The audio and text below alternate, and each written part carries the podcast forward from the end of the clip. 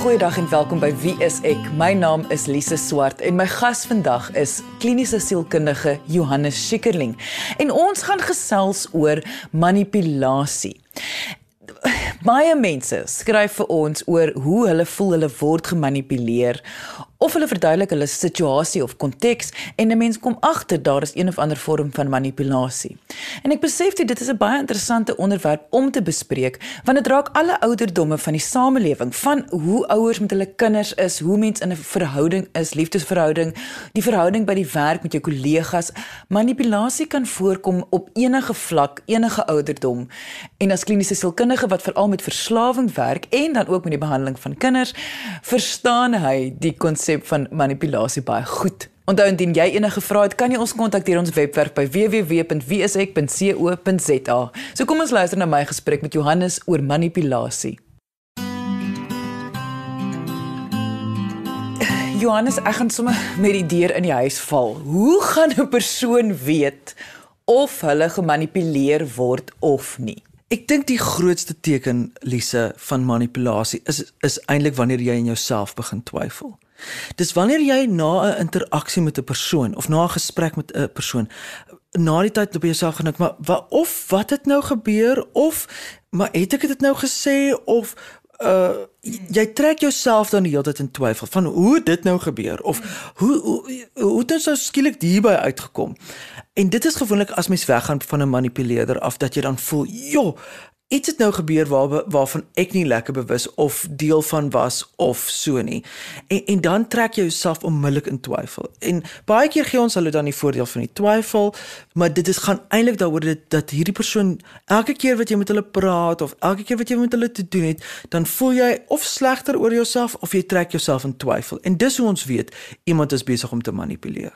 Kom ons noem die tekens van manipulasie op net sodat mense kan beter verstaan Wat presies beteken dit om te manipuleer? Om te manipuleer gaan eintlik daaroor dat iemand hulle sin wil hê.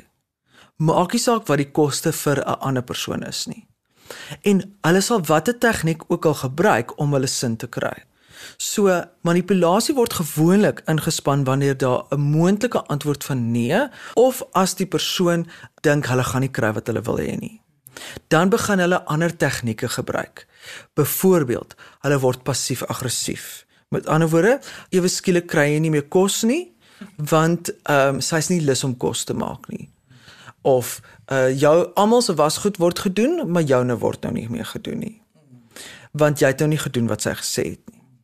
En in plaas daarvan om dit direk met jou aan te spreek, is dit nou 'n passiewe manier om eintlik aggressie te wys. Nog 'n manier is om uh, ek ons noem dit die voet in die deur En dit is wanneer iemand jy iets moontlik vir iemand gesê het, ja, kom ons kyk of dit is so en as jy weer sien dan dan het sien hulle dit as 'n belofte. Die ander een is natuurlik dat hulle 'n bietjie aan jou hartsnare trek. Jy weet, dat hulle vir jou sê, "Ja, maar ek het al soveel vir jou gedoen" of um, "Is dit nou wat ons vriendskap beteken? As jy lief was vir my, baie goeie een." Of selfs daai veralgemenings. Almal sê so of ah, dis wat almal doen. En dan weet jy eintlik dan vir die Heilige Siel, dit sê altyd so nie. Dit gaan ook baie keer oor iets dan soos emosionele afpersing. As jy dit nie doen nie, dan gaan ek of dan is jy nie lief vir my nie. En die ander groot voorbeeld wat baie keer saam met hierdie ingaan is eintlik weerhouding weerhouding soos praat nie met jou nie, gee nie aandag vir jou nie, want jy het nie presies gedoen wat hulle wou hê nie. En dan word skuldgevoelens natuurlik geweldig misbruik wanneer dit kom by manipulasie. Dat jy die hele tyd iemand anders te skuldig laat voel omdat hulle of iets voel of iets dink of 'n opinie oor iets het en dat dit verskil van joune. So ons moet weet dat manipulasie gaan eintlik daaroor dat iemand graag iets wil hê of 'n gevoel by iemand anders te wil kry. So ons almal het al gemanipuleer en ons doen dit steeds, um bewustelik of onbewustelik, want ons almal het 'n idee en ons hoop, ons glo natuurlik dat meeste mense het 'n goeie intensie.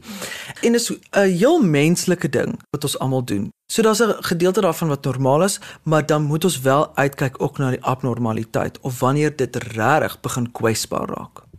Dis nou juist wat ek wil vra, waar sal die lyn dan nou lê? Waar moet iemand besef, goed, hierdie is nie ek sou gedink het wel miskien in die patroon dan, want dit gaan tog seker oor die herhaling, een of twee keer of as iemand maar net in 'n konteks te doen, is dit nou een ding, maar dit gaan seker dan oor die herhaling.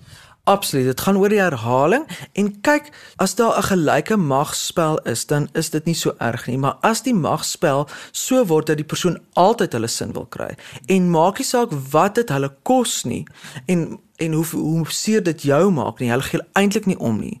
Dit gaan net hulle wil altyd reg wees of hulle wil altyd kry wat hulle wil hê. Oor daai patroon.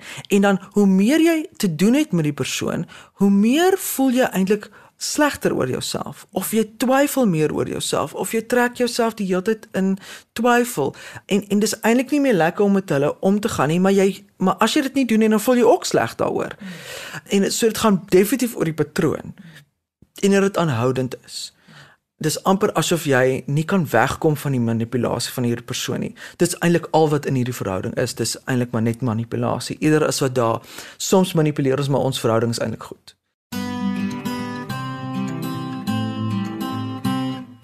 Soos jy nou praat, dink ek goed, daar is duidelik verskillende kontekste waarin dit sal voorkom. Um ons kan dink aan erge grade van selfs persoonlikheidsversteuring soos narcisme en en en soos die ou dae genoem het psigopatie, antisosiale persoonlikheidsversteuring. En dan kontekste soos 'n uh, mishandeling om in ja. so 'n verhouding. Dit dis ja. waar manipulasie baie duidelik altyd voorkom. Ja. ja. En mens kan dit nogal sterk by die werksplek ook sien jy weet waar mens 'n 'n baie sterk persoon het wat eintlik nie kritiek kan hanteer nie. Jy weet dit daar ook baie gemanipuleer word. En dan in skoolkontekste ook jy weet ouers wat wat onderwysers manipuleer, kinders wat onderwys wysers weer manipuleer, ouers wat weer die kinders manipuleer. So daar en dit gaan veral ons weet dit is ongesond wanneer daar 'n magspel betrokke is. Is wie is baas? Is eintlik die die onderliggende. Wie gaan wen? Mens kry altyd daai gevoel van ek kan nie net 'n gewone gesprek met jou hê nie. Daar's altyd 'n mate van kompetisie. Daar's altyd 'n mate van ongemak of onsekerheid. As as jy nie jou sin gaan kry nie, wat gaan gebeur? Daar's 'n mate van angs wat mens altyd voel as daar 'n tipe manipulasie in die omgewing is. Dit laat my nou dink, wat gaan gebeur as iemand in 'n situasie is waar iemand anders manipulerend is? Wat is die langtermyn effek dan? Is dit jy geweldig afgepers voel en jy verloor groot gedeelte van jou identiteit. Want Deel van manipulasie, soos ons gesê het, gaan eintlik oor die magspel. Wat beteken dit? Dit is dat die ander persoon die heeltyd die reg het om iets te vra van jou en jy het nie die reg om daarteen te skop nie. So jy verloor die heeltyd iets van jouself of jy trek jouself die heeltyd in twyfel en jy's onseker en dat daai persoon dit dit voel jy dat hulle neem en hulle neem en hulle neem en jy kry eintlik nie terug nie. En hulle neem so baie dat jy selfs 'n deel van jouself verloor. En mens sien dit baie in mishandeling. Ons sien dit baie in boelie gedrag jy weet dat jy gee maar dit bly nooit goed genoeg nie. Jy word nog steeds skuldig laat voel. Jy het die, jy het gedoen op die einde wat hulle gesê het maar die om vaders naam hulle is nie tevrede nie Môre kom hulle weer terug en sê ja, maar dit en dit en dit. En dit is net nooit goed genoeg nie. En, en dan weet ons, "Sjoe, hier lê 'n ander hier staan 'n ander ding aan aan die gang. Dis nie regtig 'n vriendskap wat hier in gang is nie. Dis eerder 'n magspel ding wat aan die gang is. Is wie het die beheer? Wie het die kontrole? Wie se sê tel meer as die ander persoon se? En dit is wat ons baie bekommerd maak. Jy luister na Wie is ek op RCG 100 tot 104 FM. Ek kry baie briewe waar mense self my vra. Um ek kan nou nie sê spesifiek vrou nie, maar daar word baie dis maar meer vroue wat sal vra hoe kan hulle hulle man dan nou gelukkig maak want hy is altyd ontevrede met wat hulle doen en ek sou aanneem dat dat ons praat dan nou van in hierdie konteks eintlik nou maar van manipulasie. Hmm. Daardie denkwyse van hoe kan ek dan nou my man gelukkig maak? Daardie denkwyse dat jy die een is wat dit kan verander. Wat is jou opinie daaroor? Vir my het die doel van manipulasie dan perfek geslaag. Die doel van manipulasie is dat jy verantwoordelik voel vir die ander persoon. Dit is absoluut die doel daarvan. So as die persoon ongelukkig is, kan hulle jou blameer. Maar sodra daar 'n slegte gevoel of iets slegs gebeur het, dan laat hulle jou absoluut verantwoordelik voel. En hulle laat jou verantwoordelik voel vir hoe vir hulle geluk. Hmm. So as hulle dan ongelukkig is, dan voel die persoon soos die die vrouens nou, hulle moet iets doen om my man gelukkig te maak. En daar's baie voorbeelde in veral Afrikaner kultuur waar ons gewoond is aan 'n aan 'n baie sterk hiërargie en ons voel baie sterk dat die persoon wat onder is is verantwoordelik om die persoon bo hulle gelukkig te maak. Kinders moet die onderwyser gelukkig maak. Die onderwyser moet die hoof gelukkig maak. Die hoof moet die departement gelukkig maak. Die departement moet die minister gelukkig maak om nou op daai vlak te gaan. Maar dit gebeur in meeste maatskappye en dit is definitief 'n groot kultuur wat in ons land is. In gesinne is dit kinders moet die ma gelukkig, ma maak gelu pa gelukkig. Jy weet pa maak vir baas gelukkig en so gaan hy aan. En en ons dra die hele tyd daai verantwoordelikheid en dit is eintlik nie goeie verhoudings nie. Dit is eintlik maar net slawe van mekaar. En en dan neem mense nie eintlik verantwoordelikheid vir hulle self nie.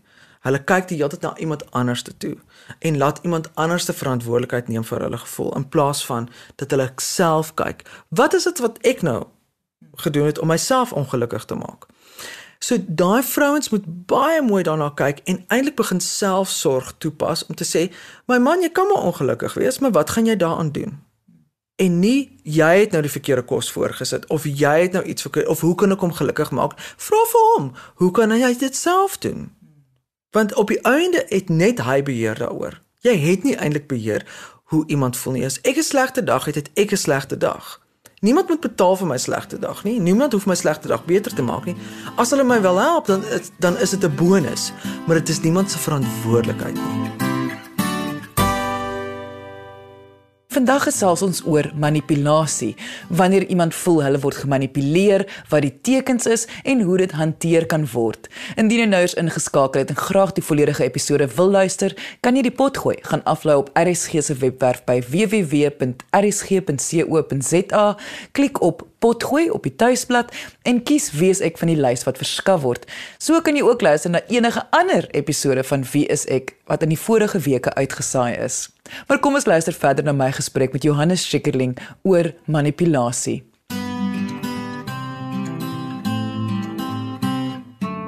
Johannes aan die einde van die eerste helfte het jy genoem hoe 'n persoon hulle eh, self moet verantwoordelikheid neem vir hulle eie geluk en ons is geneig as 'n as 'n nasie of 'n kultuur om te kyk na mense buite ons om vir hulle gelukkig te maak. Wat jy nou wel sê so eenvoudig soos wat dit klink is nogal kompleks want ons is almal in die gewoonte ja. om so op te tree. So hoe kan 'n persoon wat nou luister begin klein stappies neem want ek neem aan mens moet maar klein stappies neem om te hmm. oefen om anders te dink of miskien meer oplettend te wees oor iemand wat manipuleer en hoe hulle dit kan teenstaan. Die eerste vraag wat jy jouself moet afvra is: Wat is die verhouding wat ek met die persoon het en hoe laat die verhouding my voel? As die verhouding my meestal negatief beïnvloed, met ander woorde, dit gee my meeste van die tyd 'n skuldgevoel of ek as ek klaas met die persoon dan trek ek myself in twyfel. Dan moet jy begin vra trek van hoekom gebeur dit? Want dit sê dan vir jou as jy met daai persoon in kommunikasie is, is dit jy trek dan 'n tipe jassie aan wat nie net jou jassie is nie, maar dit is ook hulle ding. Jy trek iets van hulle aan. Iets van hulle sit op jou daar's skielik 'n juk op jou skouers, daar's 'n swaarheid oor jou en dan moet jy jouself afvra en dit is die klein stappie wat jy moet neem is wie se swaarheid dra ek nou? Is dit my eie of is dit my baas se? Is dit my eie of is dit die onderwyser se? Of is dit my eie of is dit my man of my vrou se? En hoef ek dit te dra? En hoe kan ek myself help om daai swaarheid vir daai persoon terug te gee want ons het die reg en ons het eintlik die verantwoordelikheid om daai swaarheid terug te gee. En ons sien dit baie keer as selfsugtigheid.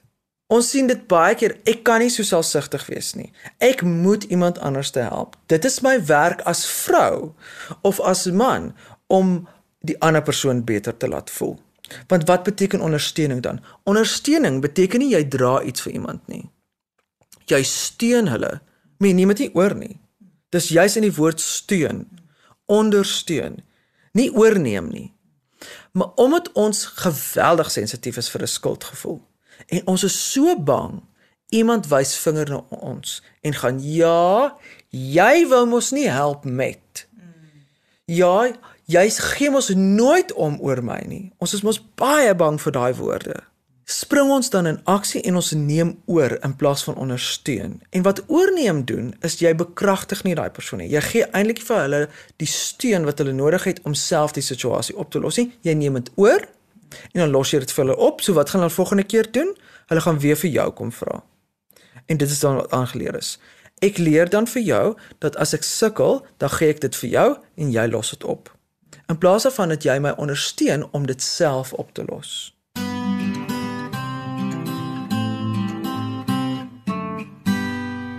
Dink veral vir ouers is dit nogal 'n moeilike ding om daai dis nogal 'n fyn lyn ja. te te behou met 'n kind grootmaak.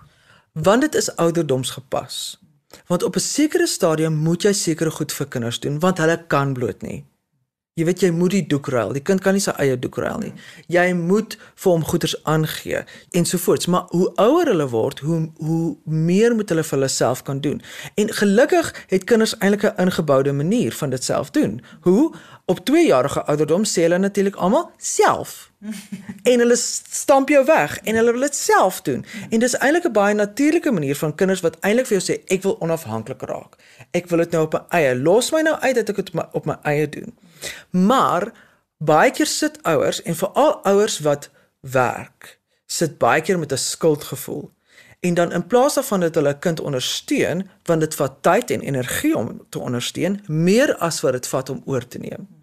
So wat ons kry is dan die kind het 'n projek, dit is vir môre en in plaas daarvan om die kind te ondersteun om te sê jy gaan die projek doen, ek sal langs jou sit en ek sal jou help, is dit makliker om te sê ag nee wat ek neem dit sommer oor want jy gaan dit baie vinniger kan doen en jy gaan jou kind laat slaap en sodat hy môre vars is vir skool en dan uh, môreoggend as hy wakker word is die projek gedoen. Baie makliker. Hmm.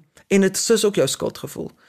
Maar dit is nie ouderdomsgepas nie. So dit is 'n moeilike uitdaging vir ouers om op 'n ouderdomsgepaste manier hierdie ding te beweeg van oplos na ondersteun.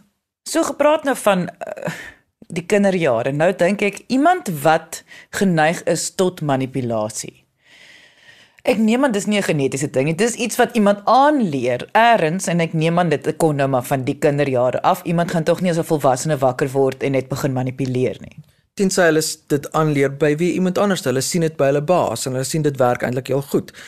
Maar dit kan ook geleer word in in kinderdae en en ons kry baie ouers wat baie goed is met skuldgevoel by kinders.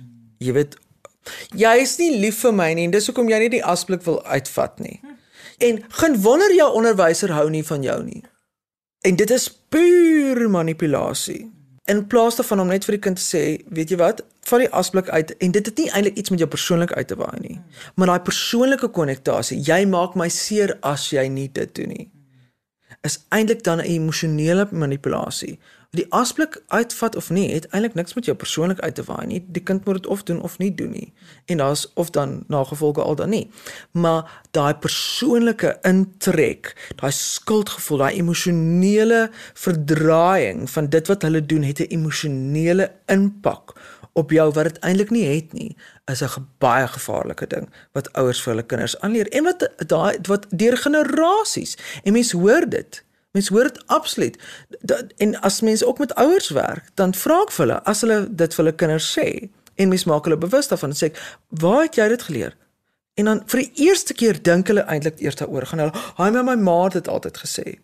As moet nou mooi terugdink, my oupa het vir my ma gesê, my ma het vir ons gesê en en en dit's maar hoe ons leer om kinders groot te maak. Ons het ook maar net een voorbeeld en dis maar jou eie ouers. So dit noop ook ouers om krities te raak oor oor wat sê ek nou eintlik? En is dit waar wat ek sê? Of is ek eintlik net besig om op 'n slinkse manier my kind te manipuleer om hulle te kry om te doen wat ek wil hê?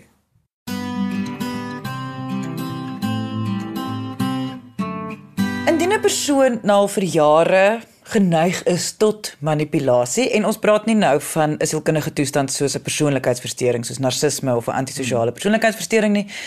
Indien 'n persoon daardie geneigtheid het of daardie gewoonte het, hmm is dit iets wat hulle kan verander? Absoluut. Dit is regtig iets waaraan hulle kan werk. Die groot vraag hier is waarmee is ek besig? En jy's eintlik besig met jou emosies. Jy's besig om jou emosies te verplaas op iemand anderste. Ons noem dit projeksie. Jy projekteer jou gevoelens op iemand anderste. Ek voel sleg, ek wil dit nie voel nie, dan sit ek daai sleg gevoel op jou. Ek voel nie belangrik as jy vir my iets doen nie en dan in plaas van wat ek vir jou sê, luister, as jy dit nie doen nie, dan voel ek nie belangrik nie gaan ek eerder op 'n manipulerende manier daarmee om. So ek gaan nie direk nie. So manipulasie is die, is die indirekte manier. Ons wil graag vir mense aanleer en dit is eintlik wat iemand moet leer is op 'n direkte manier te kommunikeer. Luister, as jy dit doen, gee dit my daai gevoel. Dit is direk kommunikeer. Indirek is om te sê, "O, jy doen dit mos nooit vir my nie." Of om kwaad te raak vir iemand of om net stilstype is natuurlik die heel beste manier van manipuleer en natuurlik vermyding ook. En dis juist daai ding van in plaas van om direk daaroor te praat, kry jy net stilstype. Nee jong, ek praat mos nie meer met jou pa nie. Sê dan vir die kinders, so hard dat pa ook kan hoor.